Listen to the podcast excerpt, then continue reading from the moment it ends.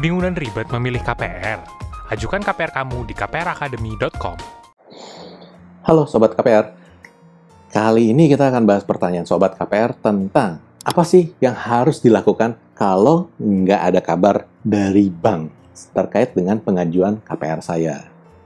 Nah, ini penting banget buat teman-teman lakukan kalau teman-teman memang ngerasa kok saya udah ngajuin tapi nggak ada kabar sama sekali, nggak ada perkembangan, nggak ada apa gitu.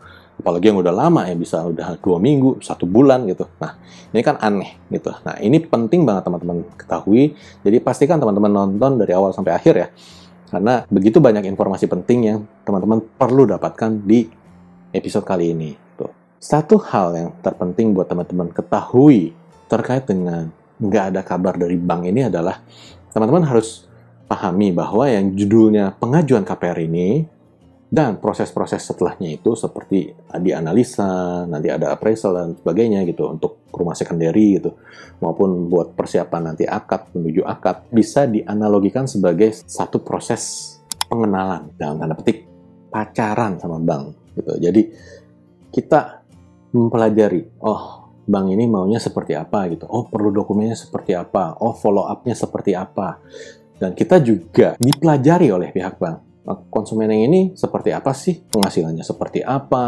Gitu. Rutinitasnya seperti apa? Gitu. Bekerjanya di mana? Usahanya seperti apa? Rumah yang mau dibeli di mana? Dan sebagainya. Gitu. Nah itu kita sama-sama uh, timbal balik lah. Saling belajar. Mengenal satu sama lain.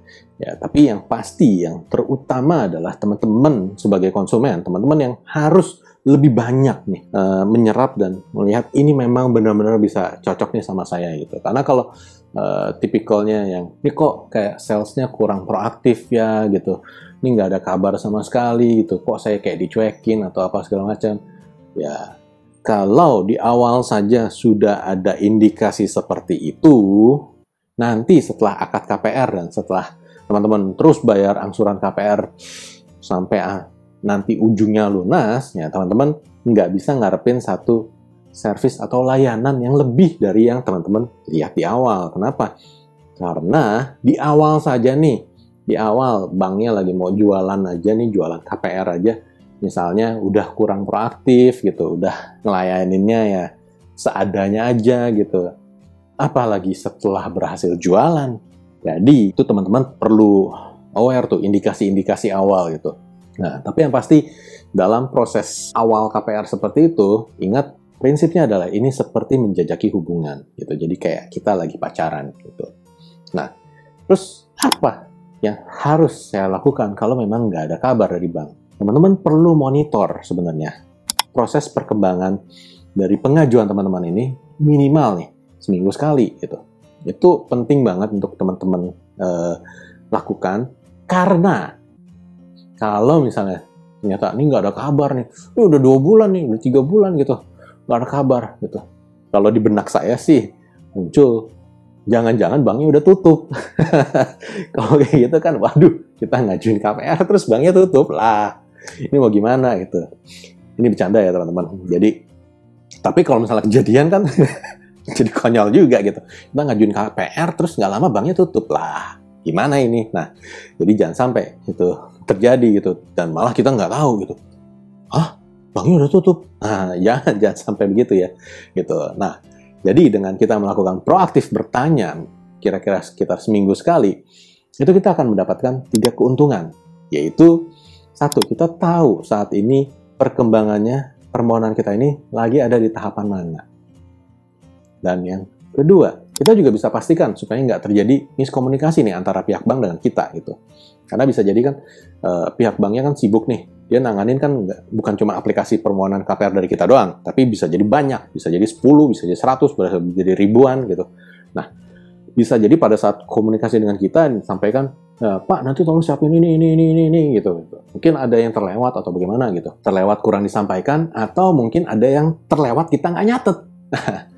Ini kan baiknya kita tanya nih, begitu udah seminggu sejak dihubungi gitu dan kita misalnya kita ngerasa bahwa saya udah kasih semua yang diminta gitu. Nah, nggak ada salahnya kita tanya bahwa Pak, Bu, ini kira-kira masih ada dokumen lagi yang saya kurang kasih nggak ya? gitu. Jadi uh, kita dari sisi yang uh, seakan-akan kita masih ada kurangnya nggak ya gitu.